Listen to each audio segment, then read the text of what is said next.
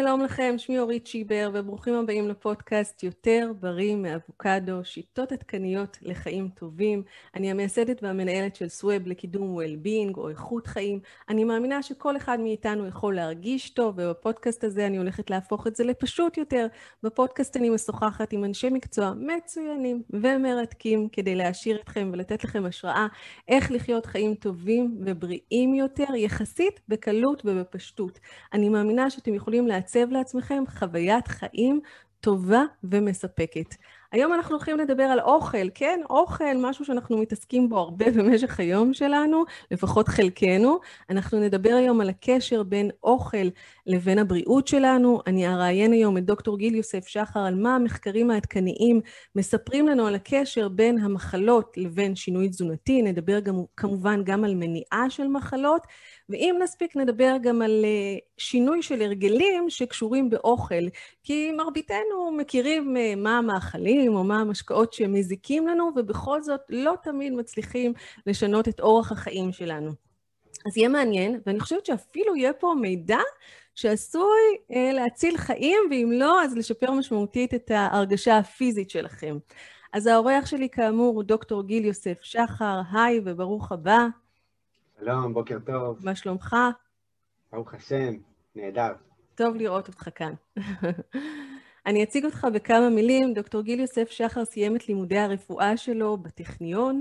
עבודת הגמר שלו לתואר דוקטור אה, ברפואה עסקה בהשוואה בין תורת הרפואה של הרמב"ם לממצאי המחקר המודרני, כבר נשמע מעניין. אה, בתחילת לימודי הרפואה הבין שלרפואה המערבית יש כלים מעולים לטיפול במצבי חירום, אבל בכל מה שקשור למחלות אה, כרוניות, אין לרפואה המערבית פתרונות אמיתיים. יש אה, תרופות, אך לא בהכרח ריפוי מלא. לאור זאת, לאורך כל לימודי הרפואה בטכניון, למד באופן עצמאי מקריאה של עשרות ספרים ואלפי מחקרים מדעיים על עולם הרפואה התזונתית. לאחר לימודי הרפואה החל לטפל באנשים שסובלים ממחלות כרוניות באמצעות טיפול תזונתי. בנוסף לפעילות של המרכז לרפואת הרמב"ם, אותו הקים גיל, פתח דוקטור גיל יוסף שחר לפני מספר שנים בית ספר ללימודי רפואה תזונתית. בית הספר מלמד ומכשיר מטפלים בבריאות טבעית על פי גישת הרמב"ם ולאור ממצאי המדע המודרני. תודה שהצטרפת אליי היום, גיל. אז אני אתחיל, דוקטור שחר, בשאלה הכי מתבקשת. הלכת ללמוד רפואה בטכניון, איך uh, הגעת לעסוק בתזונה? אז uh, שאלה טובה. האמת היא שהלכתי ללמוד רפואה כדי להיות רופא קונבנציונלי, זו הייתה המטרה המקורית, ותוך כדי הלימודים, די מהר האמת, כבר בשנה השנייה, uh, הבנתי, הגעתי למסקנה די טריוויאלית, אפשר לומר היום, שלרפואה המערבית יש פתרונות מעולים בכל מה שקשור למצבי חירום רפואיים, כשצריך אה, חלילה טיפול נמרץ, חדר ניתוח, ניתוחים אורתופדיים, אירועים לווריד, mm-hmm. ועוד אין ספור מצבים שבהם הרפואה המערבית מצילת חיים על בסיס יומיומי, אה, אין בכך ספק, אבל בכל מה שקשור למחלות כרוניות, ברוב המקרים אין להם מענה אמיתי.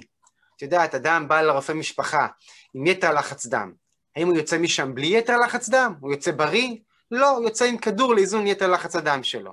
וגם פה, לרוב תוך כמה חודשים או שנים ספורות, הכדור מאבד מהיעילות וצריך כבר להכפיל את המינון, וכדור שני, וכדור שלישי, וכן הלאה. אדם בא לרופא משפחה עם, עם סכרת, האם הוא יוצא משם בריא בלי סכרת? לא, הוא יוצא עם כדור לאיזון הסוכר. Mm-hmm. וגם פה, תוך כמה שנים צריך כבר כדור שני, כדור שלישי, חלילה זריקות אינסולין, לא באמת מרפאים.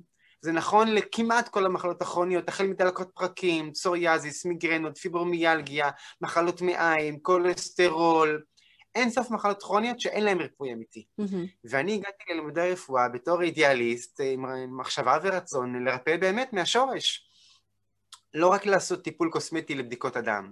ואז במקביל ללימודי הרפואה, כבר מהשנה השנייה, התחלתי ללמוד את התחום שנקרא Nutritional Medicine, רפואה תזונתית, תחום מגובה מדעית, מבוסס מדע, שבעצם עוסק בשאלה ובקשר בין תזונה לבין מחלות וריפוי. איך תזונה גורמת חלילה למחלות, איך אפשר על ידי תזונה למנוע מחלות, ואיך אפשר על ידי תזונה גם לרפא מחלות. אז זה בעצם התחום שבו אני uh, התעסקתי איתו כבר כל הכמעט עשרים שנה האחרונות. מתוך הבנה שהתזונה, הרגלי החיים בכלל, התזונה בפרט, הם כלי אה, עוצמתי ומרכזי, גם במניעה וגם בריפוי של מחלות. כך הגעתי בעצם לעולם הזה.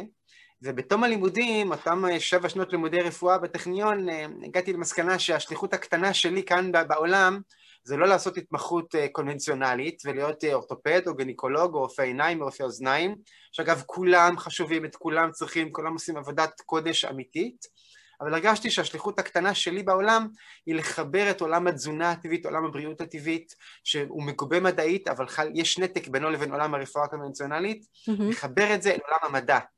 ואז הקמתי את המרכז לרפואת הרמב"ם, שזה בעצם המטרה שלו, לקדם בריאות טבעית בכלים מבוססי מדע. זה היה כל הרעיון. נשמע מאוד uh, מסקרן, גיל. ספר לי מה שני המיתוסים השגויים שאתה מכיר על הקשר בין תזונה לבין הבריאות שלנו. וואה, טוב, שני מיתוסים. יש הרבה מיתוסים שהציבור אה, לדעתי לא מחזיק בדעה או באמונה הנכונה או בתפיסה הנכונה.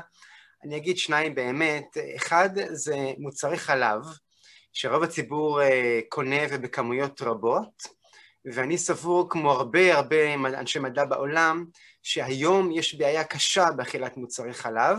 אגב, לא כי במהותו זה מזון רע, Mm-hmm. היינו חיים לפני כמה מאות שנים בעולם נקי מרעלים, שהכל אורגני, שאין מפעלי תעשייה, האוויר נקי, האדמה נקייה, הפרות או העזים רואים ברות באחו ולא בת, בתוך אה, רפתות ומכלאות כאלה ואחרות ואוכלות מזון טבעי, אז לא בהכרח הייתה בעיה במוצרי חלב, אולי לא הייתה בעיה בכלל.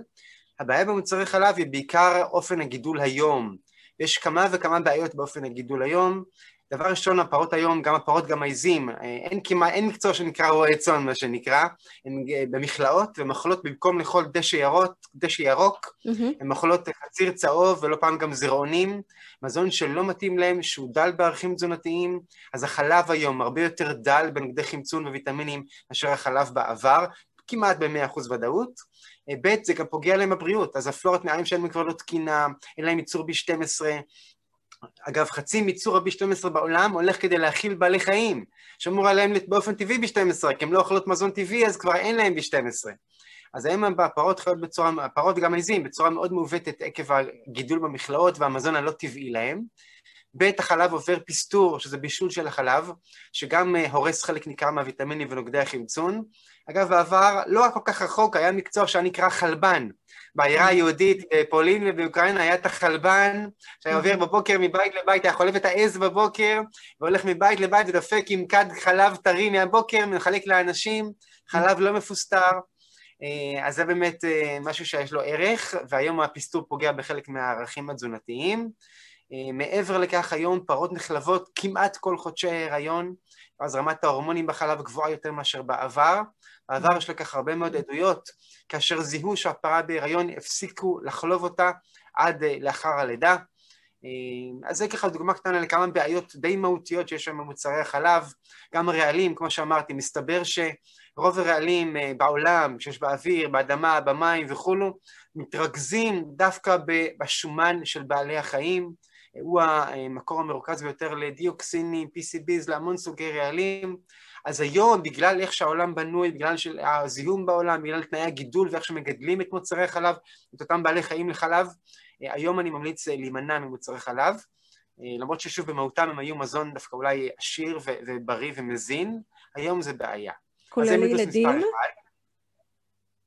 גם לילדים את שואלת פה, זאת שאלה טובה. אז תראי, אם הילד אוכל תזונה אה, מגוונת, עשירה, קטניות, אגוזים, שקדים, אה, לא, לא ילד מאוד בררן, אז אני אה, לא רואה בעיה שלא יאכל שום מוצרי חלב. גם אם הוא אוכל בשר מדי פעם ודגים, אז גם אפשר לוותר על מוצרי חלב.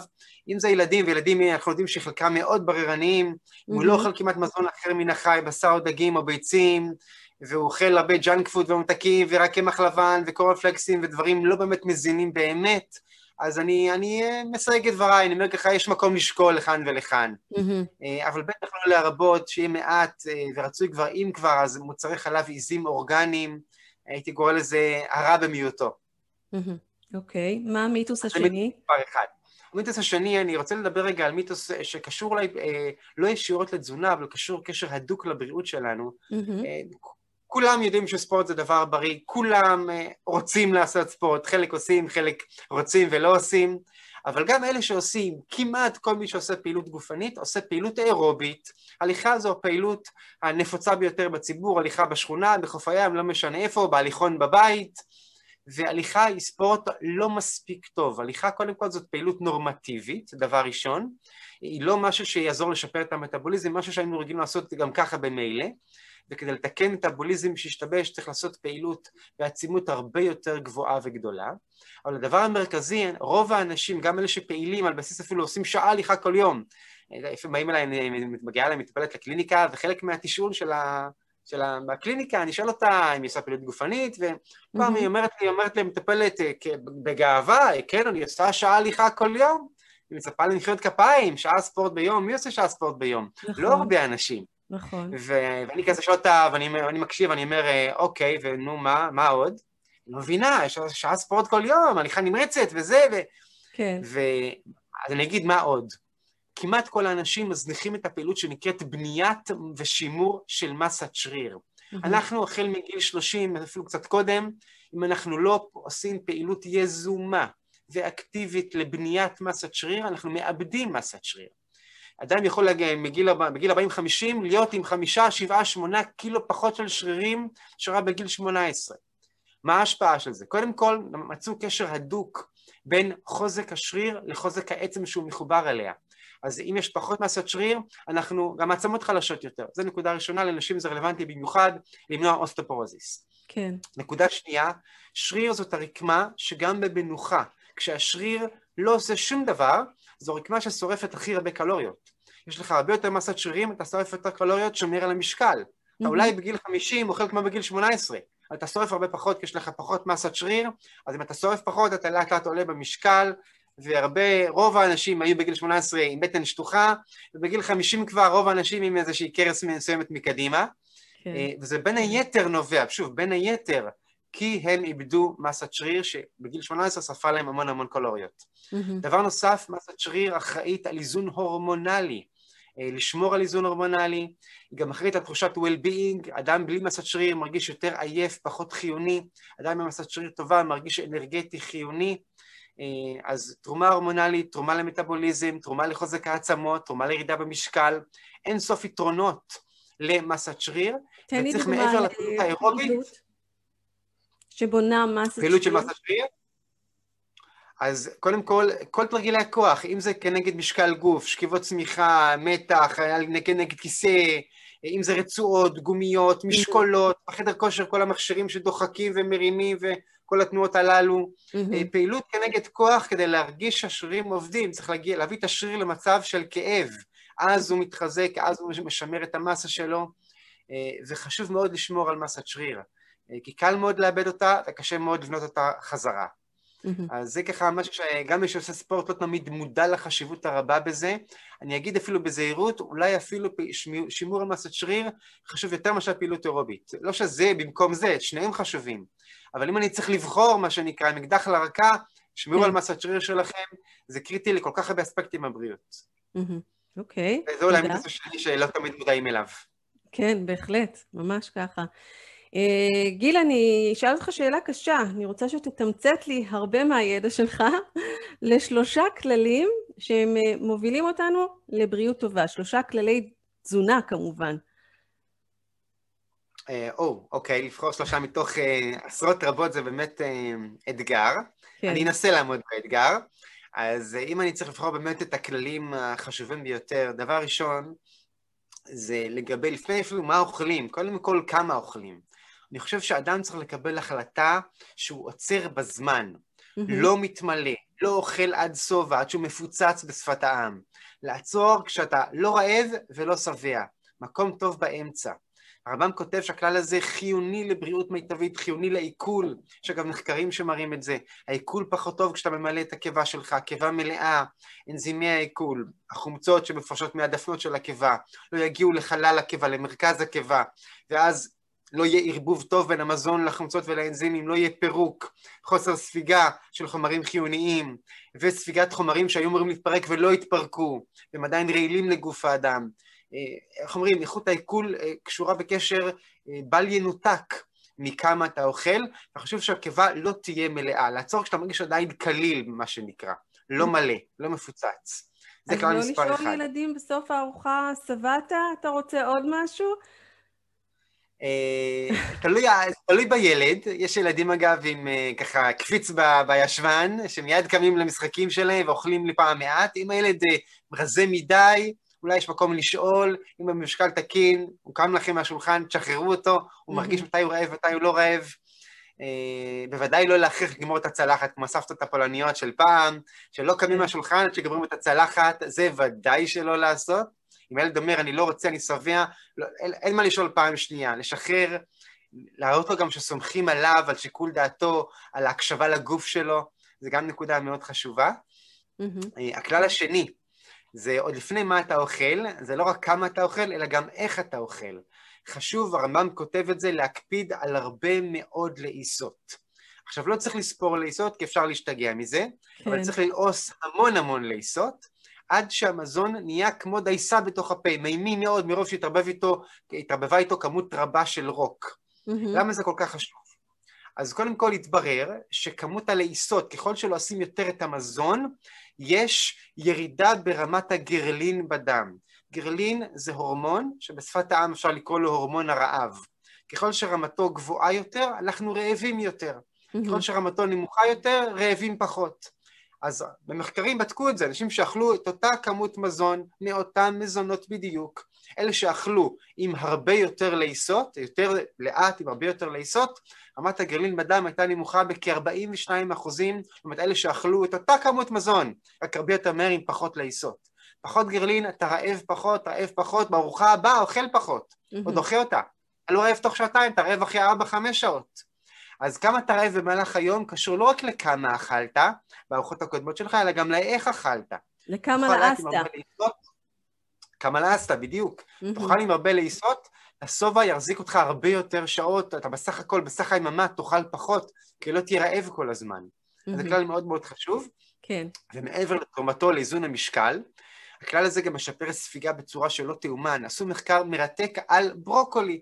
ברוקולי, איך אומרים, כולם יודעים שברוקולי הוא מזון בריא, מכיל mm-hmm. נוגדי, נוגדי חמצון, נוגדי, חומרים נוגדי סרטן, סרטן השד וכן הלאה וכן הלאה. מה התברר?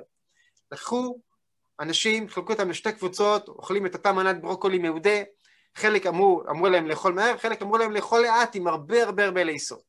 התברר שאלה שאכלו עם הרבה מאוד לעיסות, רמת האינדולים בדם, האינדולים אלה המולקולות שהן נוגדות סרטן החזקות שיש בברוקולי, רמת האינדולים בדם שלהם הייתה גדולה ב-50 אחוז, לעומת אלה שאכלו את אותו ברוקולי, רק הרבה יותר מהר עם פחות לעיסות.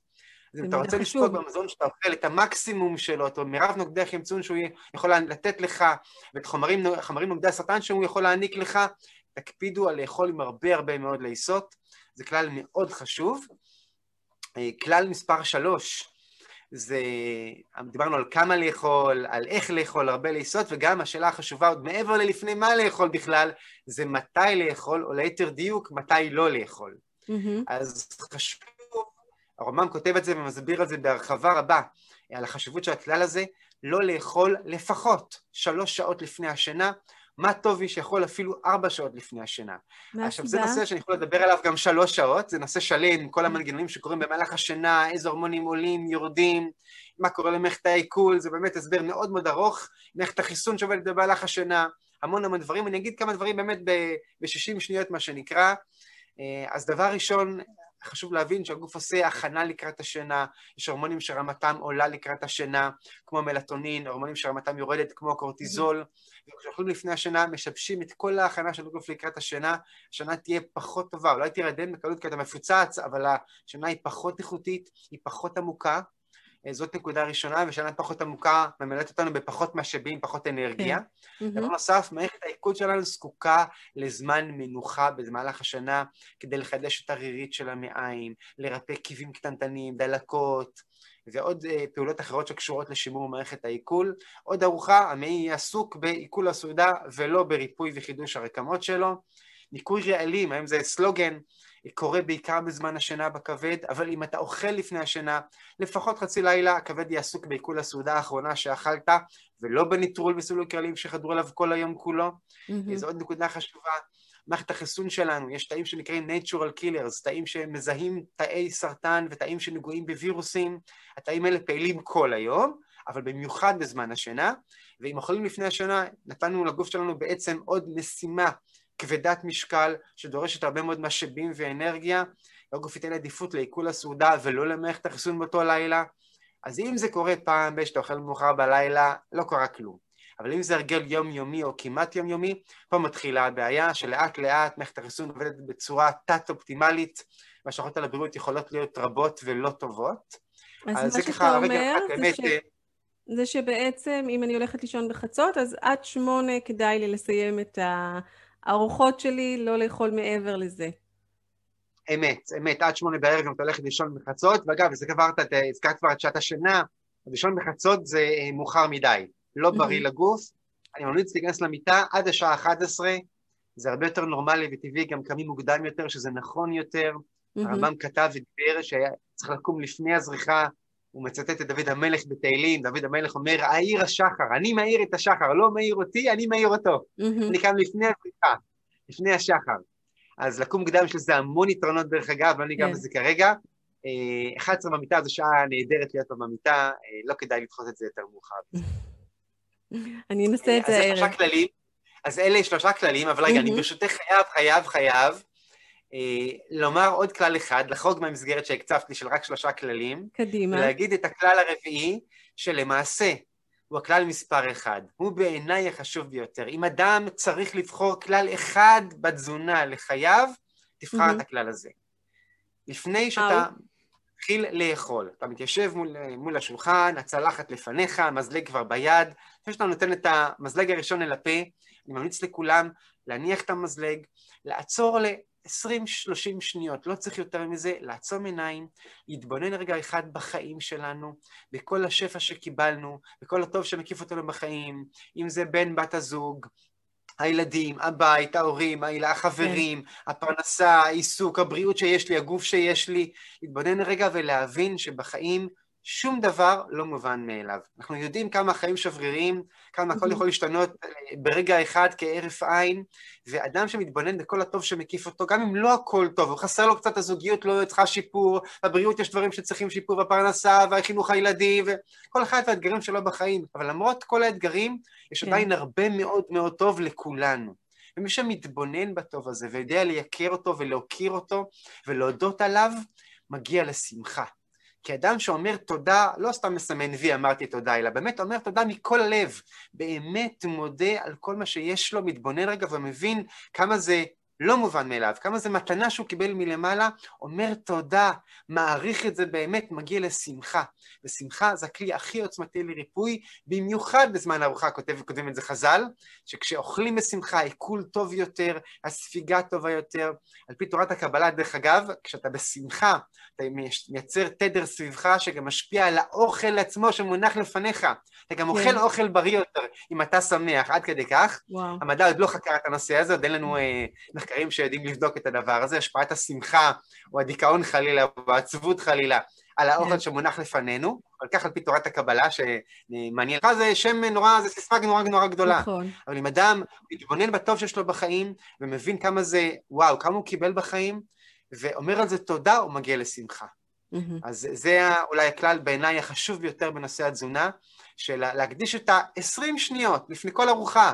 זה לא הרבה זמן, זה רק מודעות והחלטה לעשות את זה, ותדעי לך, מי שעושה, מיישם את הכלל הזה בחיים שלו, החיים שלו משתנים. משתנים מקצה לקצה. הוא נהיה אדם אחר לחלוטין. בדוק ומנוסה, מה שנקרא. כן, אז הודיה היא מעל הכל. כן, כן, ממש. זה כלל העל שלך. הודיה היא באמת כלי להגיע לחיבור לעצמי, לבורא, לעולם, לשמחה פנימית, לשלווה פנימית. אין כלי יותר עוצמתי מזה, ממש ככה. בנוסף לדברים הקודמים שהזכרת ומשפיעים על הבריאות שלנו. בהחלט. אה, תסביר לי גיל, מה כל כך רע במזון מתועש? למה יצא לו כזה שם רע? כי אם אני מסתובבת אה, בסופר ומסתכלת על מה שיש על המדפים או על, על המקררים, אני רואה לדוגמה כל מיני מוצרי דיאט למיניהם שעוזרים לאנשים להפחית את אה, צריכת הקלוריות שלהם, שעוזרים לאנשים לרדת במשקל, אז מה רע בזה? טוב, אז קודם כל, מזון תעשייתי זכה באמת לשם רע, והאמת היא שבצדק. כי לא כולם, אבל רוב רובם המכריע של המזונות המעובדים והתעשייתיים מכילים סוכר ואו שמן אה, מזוקק, אם זה שמן קנולה, שמן סויה, שמן חמניות, חומרים משמרים, מייצבים, מגבשים, עוברים טיגון לא פעם בטמפרטורות מאוד גבוהות, חומרי טעם, חומרים מלאכותיים כאלה ואחרים, ממתיקים מלאכותיים כאלה ואחרים, המון חומרים שאין בטבע. Mm-hmm. וכל חומר שאין בטבע, הוא קודם כל, הגישה אליו צריכה להיות כבדהו וחשדהו. Mm-hmm. לא אוטומטית רע, אבל כבדהו וחשדהו. כן. בהרבה מקרים לצערנו מתברר שהוא גם מזיק לנו, חומר שאין בטבע. אה, אגב, סוכר יש בטבע, אבל סוכר שמוסיפים למאכלים הוא בריכוז כל כך גבוה, בלי הסיבים, בלי הוויטמינים, בלי המינרלים, סוכר אה, גם לבן, גם חום, אין בטבע, כן? זה אין, כן. אין קילו סוכר בטבע. שום קוף לא אוכל סוכר, כן? זה לא, הוא אוכל פירות, הוא לא אוכל סוכר. הציבי אה, מאכל לא הזכרתי קודם כמובן, חומרי תמציות טעם וריח למיניהם שמכילים 80 חומרים שונים לפעמים, דברים מאוד מאוד לא טבעיים. אה, לא פעם גם המזון התעשייתי, שוב, הוא גורם לנו להתמכר אליו, לצאת לכל מיני כמויות מאוד מאוד גדולות בגלל שילובים של השמן והסוכר והפחמימות הלבנות, הוא לרוב דל בערכים תזונתיים, הוא מכיל כמעט תמיד מעט מאוד נוגדי חמצון, אה, מעט מאוד מינרלים, מזון שכשאתה אוכל אותו זה בא על חשבון מזון אמיתי שהיית אמור לאכול, מזון שאמור היה להזין אותך באמת. יש מחקרים שמגבים את זה? ודאי, ודאי, הוא הרבה מחקרים שמראים, בוודאי, שאנשים mm-hmm. שאוכלים מזון טבעי, המשקל מוזן יותר, לחץ דם נמוך יותר, סוכר מוזן יותר, סיכון מופחת mm-hmm. לסרטן, בוודאי, חד משמעית, שאוכלים יותר פירות, ירקות, מזון טבעי אמיתי, mm-hmm. קטניות, קונים, קונים חומרי גלם, מזה מכינים את האוכל, אגוזים כן. שקדים, לא מזון שמגיע באיזה קופסה או שקית מאיזה מפעל כלשהו, הבריאות משתפרת לאין ארוך, בדיקות הדם משתפרות, רמת האנרגיה, החיוניות, החיוניות הכל משתפר, חד משמעית. Mm-hmm. ציינת קודם השקעות קלים, אה, גם הקלים וגם הדיאט, אה, איך אומרים, כן. זה טרפה וזה נבלה מה שנקרא.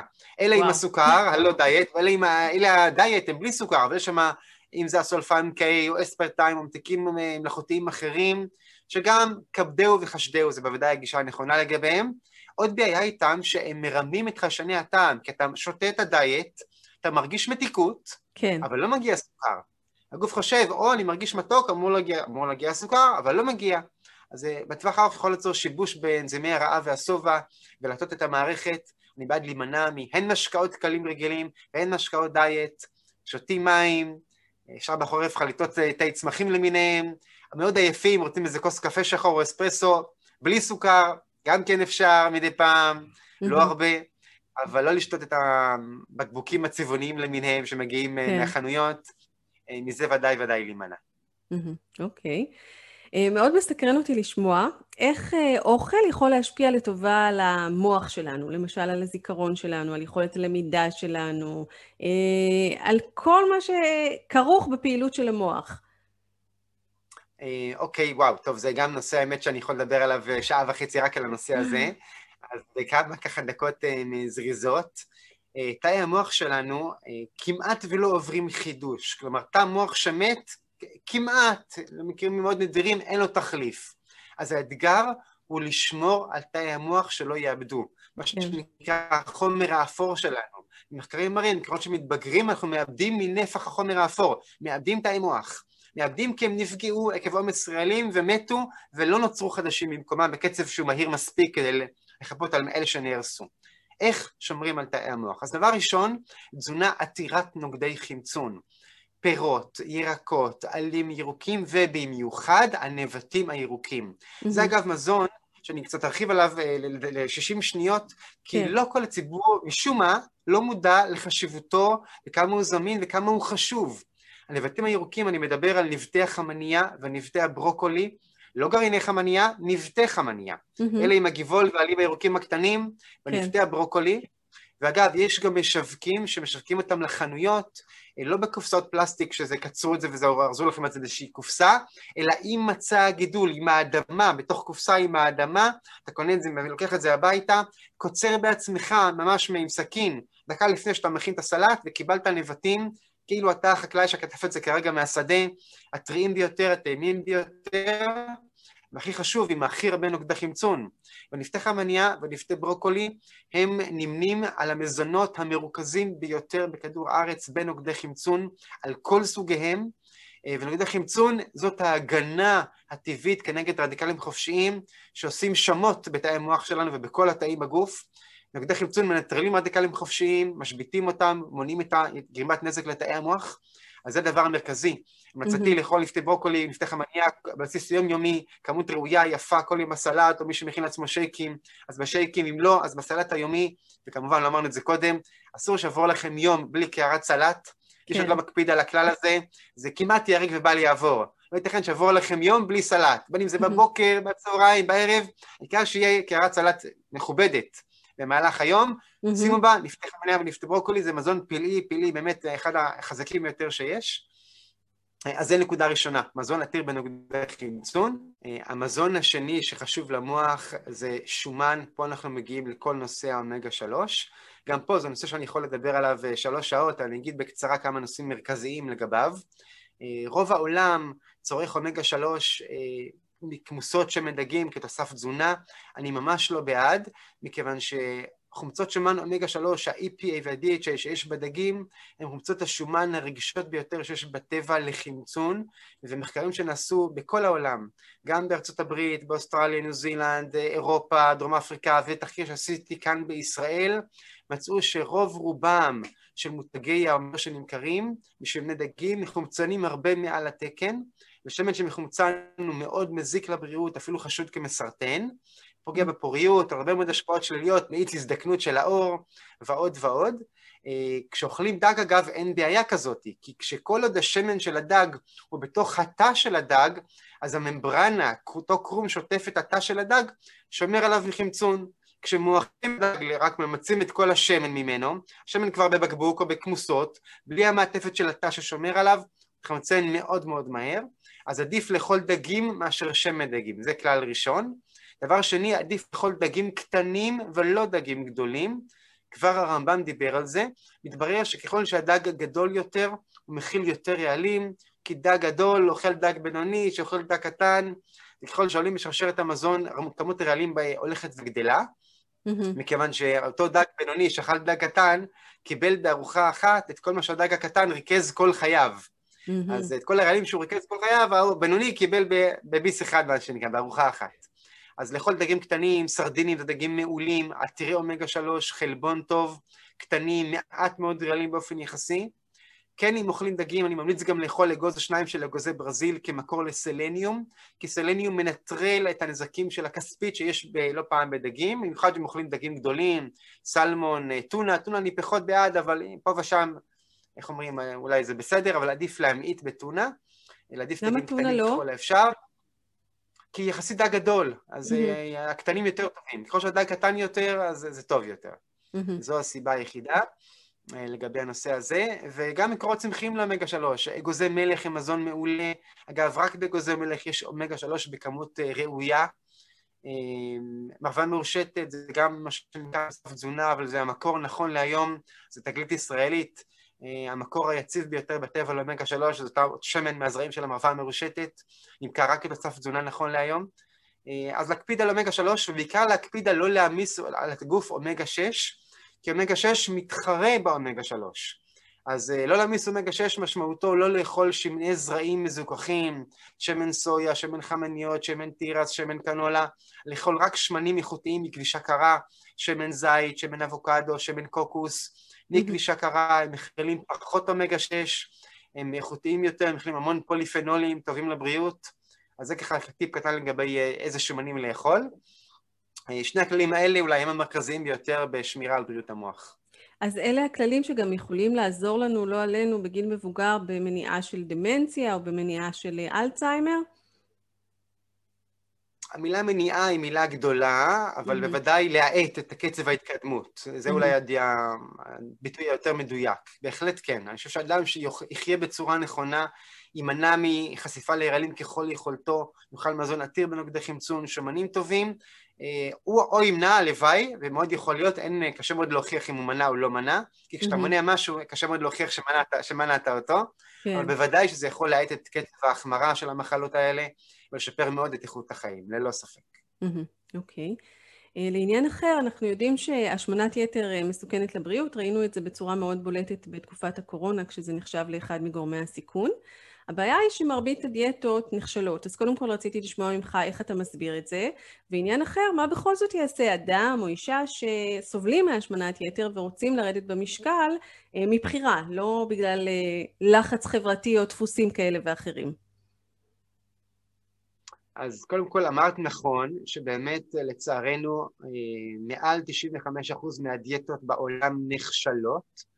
מה הכוונה נכשלות? כלומר, האדם יורד במשקל, אבל תוך חודשיים, שלושה, שנה, שנתיים, עולה חזרה, ולא פעם עם אה, ריבית דריבית, יותר מאשר היה קודם לכן, וצריך להבין למה זה קורה, למה נכשלים. אז קודם כל, אם עושים דיאטה קיצונית מדי, לא מצליחים להתמיד בה לאורך זמן, חוזרים להרגלים הלא טובים שהיו קודם, כבר mm-hmm. הכל חוזר חזרה. לפני שמתחילים דיאטה, לפני שאומרים אני רוצה לרדת עכשיו 20 קילו, לפני כן, קודם כל תעבור לאורח חיים בריא, בלי קשר למשקל בכלל. תאכל בריא, תחיה בריא, הרגלי חיים בריאים, כדי שאחרי הדיאטה יהיה לך לאן לחזור, mm-hmm. למקום הנכון והבריא. תשמור על מה שהשגת. דבר שני, mm-hmm. דיאטות נכשלות בדרך כלל. כי כאשר אדם, הרי איך, איך, איך עושים דיאטה? אוכלים פחות, אין, אין חוכמות מה שנקרא. כשאוכלים פחות, ואפילו לא פעם הרבה פחות, הגוף מפרש את זה כביכול כאילו יש רעב בעולם. למה אדם אוכל פחות? הגוף לא מבין שאתה אוכל פחות כי אתה עושה דיאטה כי יש חתונה בעוד חודשיים שלושה. אתה אוכל פחות כי אין אוכל, כי יש רעב בעולם. אה, יש רעב בעולם, אני אתגונן. אז הגוף מתגונן כנגד הרעב ומאט חילוף חומרים. Mm-hmm. שורף פחות קלוריות, אוכל פחות אבל גם שורף פחות. בסוף אתה נשבר מהדיאטה, כמה זמן אפשר להיות רעבים ולאכול פחות? אתה נשבר מהדיאטה, חוזר לאכול כהרגלך קודם, אבל הגוף עדיין במגננה, עדיין בהאטת חילוף חומרים מאוד משמעותי. אז אחד האתגרים הוא בזמן ירידה במשקל, זה לא להביא את הגוף למצב שהוא יתגונן ויאט חילוף חומרים. איך עושים את זה? קודם כל פעילות גופנית. רק לאכול פחות, גם אם זה יצליח ויתתרד במשקל, יהיה לך קשה לשמור על זה. דיאטה נכונה חייבת לכלול פעילות גופנית גם אירובית וגם, כמו שאמרתי בהתחלה, בניית מסת שריר, mm-hmm. כדי למנוע האטה בחילוק חומרים. זאת נקודה ראשונה. דבר שני, אני בעד דיאטות איטיות יותר, הדרגתיות יותר, מאשר קיצוניות בבת אחת, כי אז הגוף יתגונן בעוצמה גדולה הרבה יותר. זאת נקודה שנייה. אם עושים את זה לאט לאט, מתחת לרדאר, הגוף לא מרגיש שאתה אוכל פחות או לא מתגונן בעוצמה רבה. למעשה הדיאטה המוצלחת ביותר דיאטה שבה אתה יורד במשקל אבל מעלה מסת שריר. Mm-hmm. אז במיוחד במהלך ירידה במשקל להקפיד על פעילות לבניית מסת שריר כדי להוסיף מסת שריר, אולי זה יאט את סך הירידה במשקל הכללי שלך, כי הוספת עוד שני קילו שרירים, אבל אותם שני קילו שרירים שהוספת במהלך הירידה במשקל שלך, מוודאים שאתה איבדת רק שומן ולא שריר. כי כשאשר אוכלים פחות, מאבדים גם שומן וגם שריר. והאתגר הוא לאבד רק שומן. זה האתגר האמיתי, וזה יקרה רק אם האדם יפעיל את כל השרירים הגדולים בגופו, תוך כדי התקופה שבה הוא אוכל פחות קלוריות. אז זה ככה באמת על רגל אחת על העניין הזה. כן. עוברים פה גם הורמונים שונים, הלפטין, לא ניכנס אליהם כרגע, לא נעשה שיעור ביוכימיה מלא, אבל uh, זה ככה טיפים קטנים באמת לדיאטה מוצלחת. לאט, לא מהר, ב' בשילוב קריטי, פעילות אירובית ומסת שריר, יותר חשוב אפילו מאשר לאכול פחות, זה להקפיד להוציא יותר. ואורח חיים uh, בריא מבחינת התזונה. אורח חיים בריא, שיהיה, לאן לחזור, בוודאי, חד משמעית, כן. לפני הכל, בהחלט. אוקיי. Okay. איזה תזונה חשובה בגיל הצעיר? אני מדברת על אה, גילאי הילדות עד גיל 18. אז באמת, קודם כל אין שוני דרמטי. מה שטוב לאנשים בני 20-30, טוב גם לגיל 14-15 וגם לילדים. Mm-hmm. מזון טבעי, אגוזים, שקדים, קטניות, קמחים מלאים, כמובן פירות, ירקות, מזון אמיתי, אפשר מזון מן החי בכמות לא רבה, בשר, רצוי איכותי כמה שיותר, ביצים אורגניות, דגים, מנה שתיים בשבוע, לכל מזון מגוון, עשיר, אה, לגוון כמה שיותר, ואנחנו יודעים שילדים מאוד אוהבים ממתקים, חטיפים, עוגות, ארטיקים, גלידות וכדומה, וזה אתגר לא פשוט, אני חווה אותו גם עם, עם הילדים הפרטיים שלי, כמה זה אתגר לא. כן. קל כשחושפים לזה בכל מקום, אבל לקבוע באמת אולי כמה כללים לבית, שממתקים או חטיפים או גלידה זה רק בשבת, לא כל השבוע, בשבת כן לתת להם, שלא ירגישו שהם מגבילים אותם יותר מדי, אבל באמת במועדים מסוימים, בימי הולדת, לא, ב, לא בצורה חופשית בבית, זו דעתי. אה, אבל האמת שלא פחות חשוב מאשר התזונה בגיל הילדות, זה הקפדה שהילדים יעשו המון פעילות גופנית. היום לצערנו הילדים, לא רק בגלל הקורונה, גם בלי קשר לקורונה, היום הילדים המון מול המחשבים והמסכים כן. והפלאפונים, ופחות יוצאים החוצה לשחק. אנחנו בתור ילדים, יוצאים החוצה לגן משחקים, משחק, היום זה קורה הרבה פחות, וחבל. אה, התנועה בגיל הצעיר אה, חשובה מאוד לבריאות הפיזית והנפשית והרגשית שלהם. ועוד נקודה חשובה, שחשוב מאוד להקפיד למנוע בגיל הנעורים את ההשמנה הראשונה. כן. כי נער או נערה שצבור עודף משקל, מעתה והלאה המשקל יהיה בעצם אתגר לכל חייהם. והאתגר הגדול בחיים הוא למנוע את העלייה הראשונה במשקל. Mm-hmm. כי הגוף זוכר לאיזה משקל הגעת ותמיד שואף לחזור לשם, אה, וזה אתגר לכל החיים לאחר מכן. אז גם עם נערים או נערות אה, שיאכלו בריא, לא מזון שומני מדי, לא מזון תעשייתי, המזון טבעי אמיתי, ולא ממתקים, חטיפים, מאפים, את הדברים האלה עדיף שלא יהיו בבית, רק מדי פעם בחוץ כשנתקלים בהם, שלא יהיה תחושת חסר לילדים, אבל בכמה, ברמה מדודה ומתונה, עם גבולות. כן. אה, וחשוב שהילדים יהיו שמחים, חשוב יותר מהכל. כן. אה, אפרופו ילדים, אז אחד הדברים שככה אנחנו יותר מודעים להם בשנים האחרונות זה הנושא של בעיות קשב וריכוז. אה, ואני אשמח לשמוע אם יש משהו בתזונה שעשוי אה, במידה מסוימת לצמצם את הקשיים האלה. אז אה, טוב, האמת שכל שאלה שלך זה בערך שאלה של שעה וחצי הרצאה כתשובה. אז אני אגיד ככה באמת במשפט שניים, כמה משפטים את העניין הזה. בעיות קשב וריכוז, קודם כל, בחלקן יכולות להיות קשורות לתזונה, אבל לא תמיד. יש מקרים שבהם לא משנה מה הילד אוכל, יהיו לו בעיות קשב וריכוז. זאת אומרת, זה לא תמיד קשור לתזונה, זאת נקודה שחשוב להבין אותה. Mm-hmm. בהרבה מקרים התזונה יכולה לשפר את המצב בהחלט. קודם כל, יש ילדים שמשום מה, סיבה שעוד לא יודעים אותה, המוח שלהם יותר רגיש לפיקים ברמות הסוכר. הילדים האלה צריכים להימנע ממזון של ממתקים, חטיפים, סוכרים, לאכול יותר ירקות שעושות ויסות לרמת הסוכר, לא יהיה פיקים חדים למעלה ולמטה, יכול מאוד מאוד לעזור להם.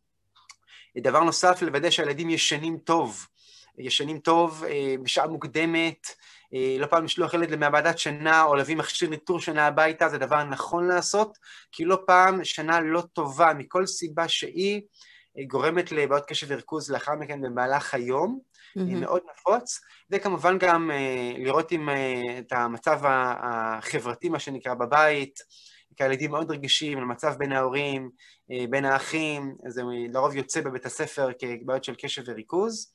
אז תזונה, שוב, אין פה איזה הוקוס פוקוס, אין איזה מזון שירפא בעיות קשב וריכוז, המזון הטבעי, הפירות, הירקות, האגוזים, למעלה מכל החטיפים והממתקים, יכול לשמר את פעילות המוח, לשמור על יכולת ריכוז גבוהה, אה, פעילות גופנית עוזרת מאוד לשפר בעיות קשב וריכוז, מאוד מומלץ, אם זה אומנות לחימה, אם זה טיפוס, אם זה משחקי חברה, משחקי כדור שדורשים קורדינציה וריכוז, אה, אני מאוד בעד אה, משחקי, משחקי כדור בכלל, משחקי ספורט כאלה ואחרים, בפרט בגיל הילדות וגיל הנעורים, שהילדים יוציאו מרץ, לא רק מול המסכים כל היום, גם זה יכול לשפר את המצב. זה ככה באמת על רגל אחת, מה שנקרא. אז הראייה שלך היא מאוד אה, הוליסטית, לא קשורה רק לנושא של אה, תזונה. בהחלט, ודאי, ודאי. תזונה היא, כמה שהיא חשובה, היא רק פן אחד בכל מה שקשור לחיים בריאים, לריפוי מחלות. פן מהותי, אבל ודאי לא היחידי. כן. אה, שאלה שעלתה לי ככה בעקבות הדברים שאתה דיברת עליהם קודם, הנושא של סוכרים, זה ש... ואני רואה שזה חוזר על עצמו גם אה, בסביבה שלי עם אה, אנשים שעושים גמילה מסוכרים. אז מה כל כך רע בסוכר, ומה בכל זאת עושים אנשים כמוני שצריכים איזה משהו קטן ליד הקפה אחר הצהריים או בערב? אז קודם כל, מה רע בסוכר שאלת? אז אמרתי כבר קודם, סוכר אין בטבע, יש פירות mm-hmm. בטבע, אין, כן. אין קילו סוכר, לא סוכר לבן, לא סוכר חום, לא סוכר קנים אורגני, אין בטבע קילו סוכר. מרוכז מדי, אה, בלי ויטמינים, בלי מינרלים, בלי סיבים, אם יש בזה ויטמינים כי זה סוכר חום, זה כמות זניחה לחלוטין. אה, הסוכר מעלה סוכר, וסוכר בדם הוא אחד האויבים הגדולים שלנו. סוכר מחמצן כולסטרול, מאיץ שקיעת כולסטרול בעורקים, הוא הגורם העיקרי לטרשת עורקים. Mm. אה, סכרת זו מחלה שהורגת מיליוני אנשים בשנה, פוגעת קשה באיכות החיים, מביאה לכריתת גפיים ואצבעות, והכל בגלל סוכר. אז להימנע מסוכר, אה, מסוכר כסוכר, ממש להימנע, לא, לא להכניס את זה בכלל הביתה. גם כל. הסוגים שנחשבים יותר בריאים, סוכר קוקוס, סוכר אה, קנים אורגני וכן הלאה. גם אלה, גם הסוכר קוקוס, סוכר קנים אורגני, כולם 100% סוכר עם קצת יותר מינרלים ויטמינים, mm-hmm. זניח לחלוטין. גם מהם להימנע לחלוטין. אם רוצים לאפות עוגה לצורך יום הולדת או אה, ראש חודש או אירוע אחר שרוצים לחגוג אותו, יום נישואים וכדומה, אז באמת לשים אולי תמרים, זה הממתיק האידיאלי דרך אגב, וגם בעוגות. אם חייבים, אז אה, או סילן או דבש, אבל גם אז, שהדברים האלה יקרו פעמים מעטות בחיים, לא כל שבוע, לא שיהיה עוגה. אנשים אומרים לי, אני מכין עוגה רק לשבת. כן, עוגה נשארת משבת לשבת, אוכלים אותה כל השבוע. השבת הבאה מכינים עוד עוגה עד שבת הבאה. יש להם כן. עוגה בבית כל הזמן, כל השבוע, אבל זה רק לכבוד שבת העוגה. אז זה ודאי להימנע מהדברים האלה, כי אז אוכלים את הממתיקים האלה, גם הסילן והדבש, למרות שהם הרבה יותר טבעיים כמובן, הם עדיין מרוכזים מדי בסוכרים, בלי סיבים תזונתיים, אז כפית דבש פה ושם בטח שאין בעיה, אבל לא כשופכים עכשיו חצי כוס דבש לעוגה וזה כל שבוע ככה כאלה כמויות, זה mm-hmm. ודאי שלא. אה, לגבי ממתיק ליד הקפה, אז קודם כל קפה שותים בלי סוכר, אני מקווה שזה כבר אה, ברור לכולם. עדיף אגב שחור או אספרסו, למה זה נושא אחר, לא ניכנס לזה כרגע, לא נס קפה, ואם לא, אגב מתרגלים גם לקפה שחור ואספרסו בלי סוכר, תוך 21 יום שמתמידים בהרגל הזה, בהתחלה זה מר, אחרי זה מתרגלים, כבר לא חסר יותר, אם רוצים איזושהי כן המתקה בנוסף, אז לאכול את זה עם תמר, ואני גם ממליץ לא לאכול תמר לבד, אלא לקחת את התמר, לפתוח אותו, להוציא את הגרעין שם בפנים, לראות שאין תולעת, להכניס אגוז מלך ולסגור. קיבלנו את הממתק של הטבע, טופי, ממש טופי מהאגוז מלך, האגוז מלך גם עוזר למתן את רמת הסוכר בעקבות התמר, התמר שלו מתיקות טבעית מדהימה, ממש הטופי של הטבע, וזאת ההמתקה בעיניי האידיאלית, בין אם זה ליד הקפה או בתור קינוח או כל דבר אחר. וואו, אז להוריד לגמרי שוקולדים מהתפריט שלנו. שוקולדים הרגילים שמטילים סוכר, בוודאי, כן. אפשר לקנות חפיסות שוקולד של 100% קקאו, לשים גם קובייה כזאת בתוך תמר, זה גם בסדר. Mm-hmm. אבל לא החפיסות הרגילות שמכילות uh, עשרות אחוזים של סוכר וחומרים אחרים בעייתיים. טוב, אני הולכת uh, לעשות את האתגר של ה-21 יום ולהפחית את הסוכר מהקפה, נראה אם זה יצליח לי, אני אספר לך על זה. קדימה, בהצלחה רבה, את תצליחי, אין לי שום ספק. אפרופו קפה של אה, אחר הצהריים, אז יש דעות חלוקות לגבי קפה. אני חושבת שמספר המחקרים שיש על קפה אה, הוא בערך כמספר כוסות הקפה שאני שתיתי בשנה, וזה פשוט מדהים אותי כל פעם מחדש, מכיוון שיש כאלה שממש מדברים על נזקים בריאותיים ממשיים, ויש כאלה שמדברים על ההפך. השבוע לדעתי קראתי מחקר שמדברים על זה שצריכה של קפה דווקא עוזרת uh, לתקינות הכבד. אז אתה יכול לעשות לנו סדר בעניין הזה? Uh, טוב, אז תראי, אני אהיה איתך כנה. פתחת נושא שלדבר עליו זה אולי שלוש שעות, כי כמו שבעצמך אמרת, יש אלפי מחקרים על קפה, הוא אחד המשקאות הרי הכי נמכרים והכי אה, נצרכים בעולם, mm-hmm. לא בכדי מסתבר אגב, אה, ובאמת אה, אני חייב לומר, יש המון מחקרים שמראים תועלות לקפה, הן מבחינת נוגדי החמצון שלו, הן מבחינת הקטנת סיכון לפרקינסון, מי ששותה קפה סיכון מופחת לפרקינסון, mm-hmm. מי ששותה קפה בצורה סדירה סיכון מופחת לדיכאון, אה, אז יש לו לא מעט יתרונות גם, מצד שני יש הרבה מאוד סימני שאלה הוא כן חומר משתן כששותים ממנו בכמות רבה, ועוד ייצור עודף שתן הוא לא דבר בריא, מעבר לעומס על הכליות, עודף שתן גורם לאיבוד ויטמינים ומינרלים, כי השתן לא יוצא רק שם רק מים, יוצאים שם, יוצאים משם גם עוד ויטמינים כן. ומינרלים. יש שם חומרים שיש עליהם מחלוקת, על הקופאין עצמו יש מחלוקת, יש גישה שאומרת שכל חומר שמתמכרים אליו עדיף להימנע ממנו. אה, זו גישה פילוסופית, אני לא יודע להגיד אם היא נכונה או לא, יש פה סימן שאלה. הקופאין כן מעורר, יש בוודאי אה, מקום להשתמש בו כשזקוקים לו, אתה לקראת נסיעה בלילה, לא רוצה להירדם על ההגה, ודאי שלשתות קפה, אין פה שום שאלה בכלל להיות ערניים בנהיגה, זה לפני mm. הכל. יש לך הרצאה חשובה, שיעור שאתה רוצה להיות מרוכז בו וקשוב בו, שתי כוס קפה מדי, מדי פעם, לא רואה mm-hmm. בזה בעיה. אני כן אגיד, מי ששותה קפה ולצערי, רוב הציבור שותה נס קפה, וזה כן. דבר לא נכון לעשות, לשתות או קפה שחור או אספרסו, אבל לא נס קפה. נס קפה עובר עיבוד הרבה יותר מסיבי מאשר שחור או אספרסו, הוא הרבה פחות בריא. ועוד דבר, אם כבר הזכרנו את הקפה, אני שותה מדי פעם אה, קפה שחור או אספרסו, אבל כששותים קפה בלי סוכר בכלל. תגידי, זה מר ולא טעים? קודם. תגידי, מר ולא טעים? נכון, שותה, קפה שותים לא כדי ליהנות, קפה שותים כדי להתעורר. אז נכון, ולמרירות של הקפה מתרגלים תוך 21 יום. אז קפה שחור אספרסו בלי סוכר זה מר, אבל uh, להתרגל לזה, לא לשים את הסוכר בקפה. אוקיי, okay. מה המסר שלך לאנשים שאומרים, אני בסך הכל בן אדם בריא, ומקפיד לאכול אוכל בריא, פחות או יותר, ומדי פעם חורג בשבתות, בחגים, באיזשהם אירועים uh, מיוחדים. Uh, האם העיקרון הזה של 70-30 אני קוראת לו, ש-70% מהזמן אוכלים אוכל שנחשב לאוכל בריא, ו-30% מהזמן מדי פעם חוטאים באיזה גלידה או איזשהו מאכל מסורתי שרץ במשפחה והוא רחוק מבריאות, מהגדרה של בריאות, האם זה עדיין בסדר מבחינה בריאותית? אז אני חושב שיש פה חשיבות לאחוזים שציינת. Mm-hmm. 70-30 זה הרבה יותר מדי לטובת ה-30, הרבה יותר מדי. כן. אם זה יהיה 98-2, אני אגיד אין בעיה. אתה לא עושה הנחות.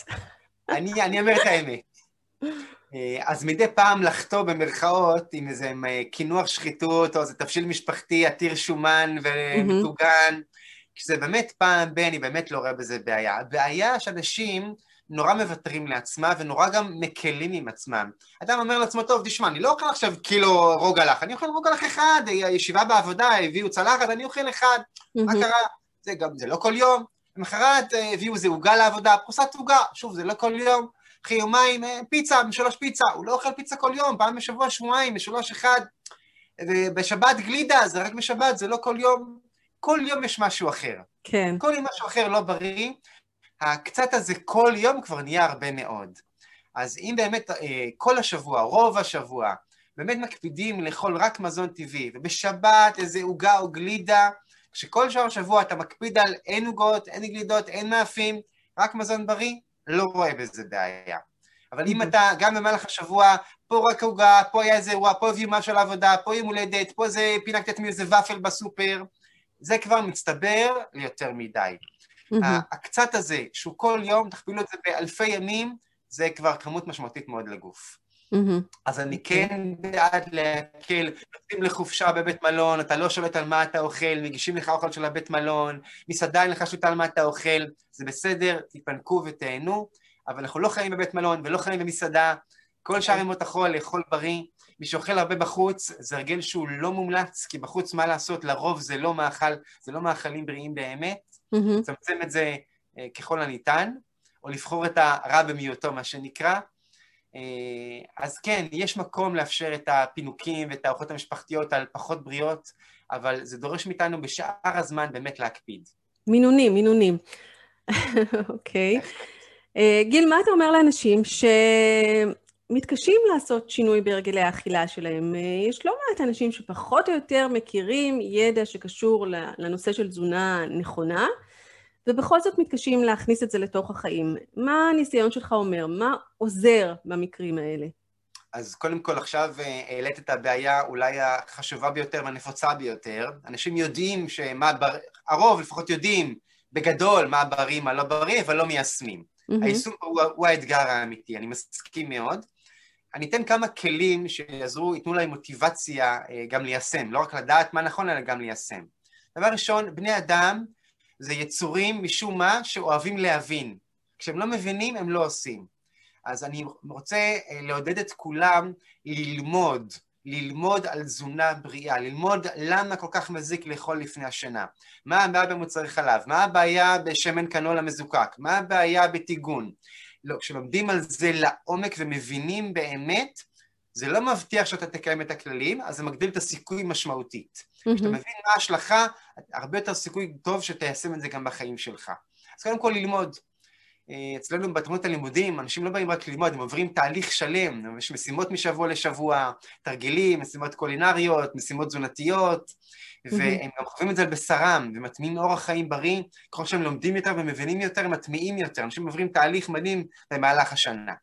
אז טוב, קודם כל זה הטיפ הראשון, ללכת ללמוד, לקרוא מאמרים באינטרנט, לקרוא ספרים, ללכת לקורסים, ללימודים, ללמוד על זה, לימודי בריאות ותזונה, זה לימודים לחיים שכל אחד זקוק להם, גם אם זה לא המקצוע שלו בחיים, זה לימודים לחיים, למשפחה. כן. נקודה שנייה, אדם שינסה להפוך את חייו בבת אחת, הסיכוי שהוא יצליח לשמור על זה, לא אגיד שהוא אפס, אבל הוא קטן מאוד. יש יחידי סגולה שמצליחים לעשות מהפכה בחיים, מהפכה קיצונית ולשמור עליה במשך כל חייהם. רוב האנשים יותר בנויים לשינויים הדרגתיים. הרמב"ם גם אומר שהגוף לא אוהב מהפכות. אז הטיפ השני זה לאמץ לעצמך כל שבוע כלל אחד או שניים חדשים, לא יותר מאשר שני כללים בשבוע. אני השבוע הזה מוסיף לעצמי כלל לאכול קערת סלט כל יום. רק את זה.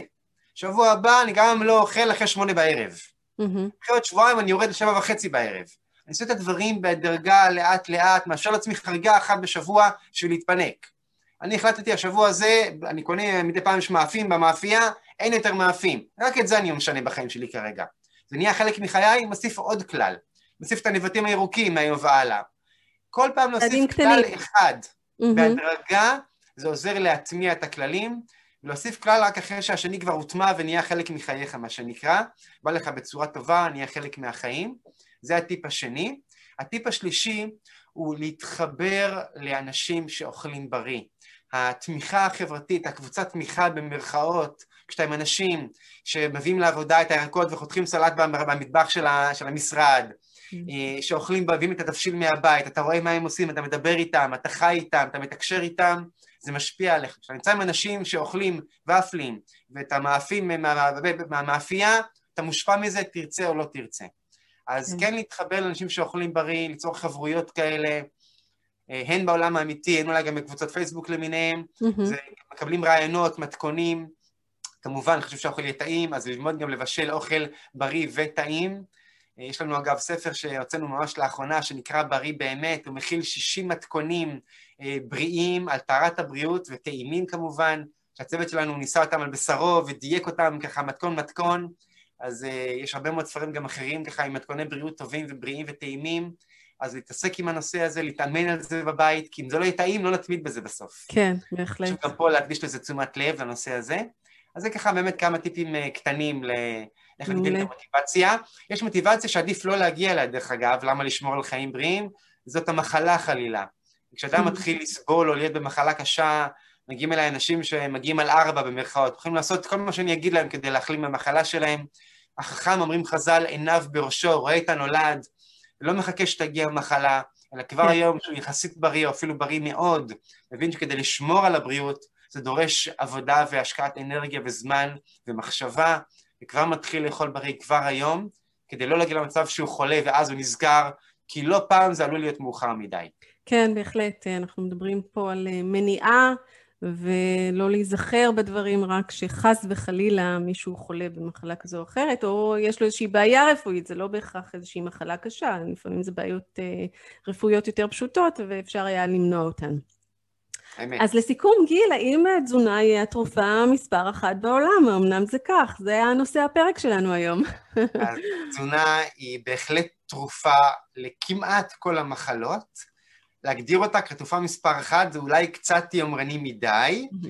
אני חושב שאם אני צריך לבחור את התרופה מספר אחרים, זה המצב הנפשי שלנו, השלווה הפנימית, השמחה, האמונה, הביטחון, כי גם אם אדם יאכל חסה וגזר כל היום, אם הוא אה, בחרדות, אם הוא בדיכאון, אם הוא עצבני, מתוסכל, ממורמר, יאכל את החסה האורגני שלו וכל היום כולו, ונבטים ירוקים כל היום כולו, אם הוא במצב נפשי לא טוב או לא בשלווה פנימית אמיתית, חלילה יגיעו המחלות. Mm-hmm. אז לפני שבוחרים אה, מה לאכול וצריך לבחור לאכול בריא ולפי כל כללי התזונה הנכונה, אז באמת חשוב אה, לעבוד על המצב הנפשי, על התבוננות אה, בשפל שיש לי בחיים, להגיד על זה תודה, כי כמו שאמרנו, הודיה מולידה שמחה, mm-hmm. לעבוד על שינוי דפוסי חשיבה שמולידים באמונה, ביטחון, אופטימיות, זה באמת לפני הכל. לגבי התזונה, אז אני כתבתי מדריך חינמי שניתן במתנה לכל מי שמעוניין בו. קראתי. מדריך שנקרא 72 הכללים לתזונה מיטבית, זה קובץ PDF ניתן בחינם לכל מי שמבקש באתר שלנו, המרכז לרפואת הרמב"ם. שם עשרות כללים, על חלקם דיברנו היום, על חלקם לא הספקנו לדבר היום, עשרות רבות של כללים לתזונה מיטבית, מדויקת. להקפיד על זה ככל הניתן, כמה שלאט לאט יותר ויותר, בהדרגה, מיום ליום להוסיף עוד כלל ועוד כלל. העיקר פה זה להתקדם בחיים, לא לדוח במקום, גם לא מגיעים בבת אחת לצורה או לאורך החיים המושלם, העיקר זה להתקדם ולשאוף לכך, ובהחלט לתזונה יש אפקט מכריע, גם במניעה של מחלות וגם בריפוי של מחלות, וכל אחד ראוי שילמד את זה כחלק מללמוד על החיים, על החיים כאן בעולם. בהחלט. אני לסיום לא יכולה לשאול את הצופים מה הם לקחו מהפודקאסט שלנו היום, אני אשאל אותך מה השורה התחתונה שלך, מה המסר האחד שאתה רוצה שיצאו איתו היום מהשידור שלנו. המסר הוא שלחיות בריא זה לא בשמיים, זה קרוב לכל אחד מאיתנו, זה נראה וואו איך אני אעשה את זה, להנביט ושייקי וענייני ואיפה אני ואיפה זה, זה רחוק ממני, עזוב אותי, לא בשבילי. כן. התחילו מצעדים קטנים. תזכרו, בחיים זה לא או הכל או כלום. שמעתם כאן היום עשרות עצות ועשרות כללים שחלקם נראים לכם לא קשורים לחיים שלכם. אה, אני אוכל בלילה, אני לא, אין לי זמן לספורט, אתה מדבר איתי פה על דברים שאתה לא מכיר את החיים שלי, את העומס שלי, זה לא רלוונטי לגביי. אני אוכל בחדר אוכל בעבודה שלי בכלל. תיקחו מההרצאה הזאת, דבר אחד זה המון. כל דבר שלקחתם מכאן זה משמעותי. גם קצת זה הרבה. זה המוטו לחיים. בכלל בחיים זה לא הכל או כלום, וכל דבר שתיקחו מקדם אתכם למטרה של בריאות מיטבית וחיוניות ואנרגיה טובה ומניעת מחלות. אז לא להתייאש אם זה נראה לכם רחוק מכם, קחו משהו אחד. אחרי שבוע, שבועיים, שלושה הוא חלק מהחיים, קחו אולי עוד אחד. צעד צעד, לאט לאט, זו הדרך להצליח בחיים, אגב, בכל תחום שהוא. נהדר, תודה. צעדים קטנים. אז אנחנו נסיים באמירה שטבע הרופא היווני דווקא, היפוקרטס לפני 2400 שנים, יהיו מזונותיך תרופותיך ותרופותיך מזונותיך. אנחנו שמענו כאן היום ממך עד כמה האוכל שאנחנו מכניסים לגוף שלנו יכול למנוע מחלות ואפילו לשפר מצבים רפואיים כאלה ואחרים. אפשר להמשיך ולקרוא על הנושאים החשובים האלה אצלך באתר ובדף הפייסבוק שלך. אני אצרף כאן למטה מתחת להקלטה שלנו את הלינקים גם לאתר הפייסבוק וגם, סליחה, גם לאתר האינטרנט וגם לדף הפייסבוק שלך. אז תודה לך, דוקטור גיל יוסף שחר, על הזמן שלך, ותודה על העצות המועילות. אני בהחלט למדתי ממך המון היום. תודה למאזינים שלנו או לצופים על ההקשבה ואני מקווה שנתרמתם. מוזמנים להיכנס לאתר של סוואב ולהיעזר במידע בו ובאנשי המקצוע שם כדי לעצב לעצמכם חוויית חיים טובה יותר. יש בסוואב הרצאות מרתקות בנושאים האלה שאנחנו מדברים עליהם כאן. אנחנו מקיימים גם כנסים לארגונים שהם אי של שפיות לקידום הבריאות. המטרה של הכנסים זה בעצם לקדם את הבריאות הפיזית, את החוסן הנפשי, גם את האיזון בחיים וגם את יכולות הריפוי של הגוף. בנוסף, חשוב לזכור שהקידום של well-being אצל העובדים, או בקרב העובדים והמנהלים, מביא לזה שהשביעות רצון שלהם הרבה יותר גבוהה, המחויבות שלהם הרבה יותר גבוהה, וגם העלויות על היעדרויות מעבודה בגלל מחלות הן פחותות הרבה יותר. אם אהבתם את הפרק, תלחצו על כפתור ה subscribe כדי לשמוע פרקים נוספים בהמשך, או היכנסו לאתר סוואב ושם תוכלו להירשם לרשימת התפוצה ולקבל בכל פעם פרק חדש במייל. אז המון המון תודה ושיהיה המשך יום מוצלח. תודה רבה. תודה, תודה.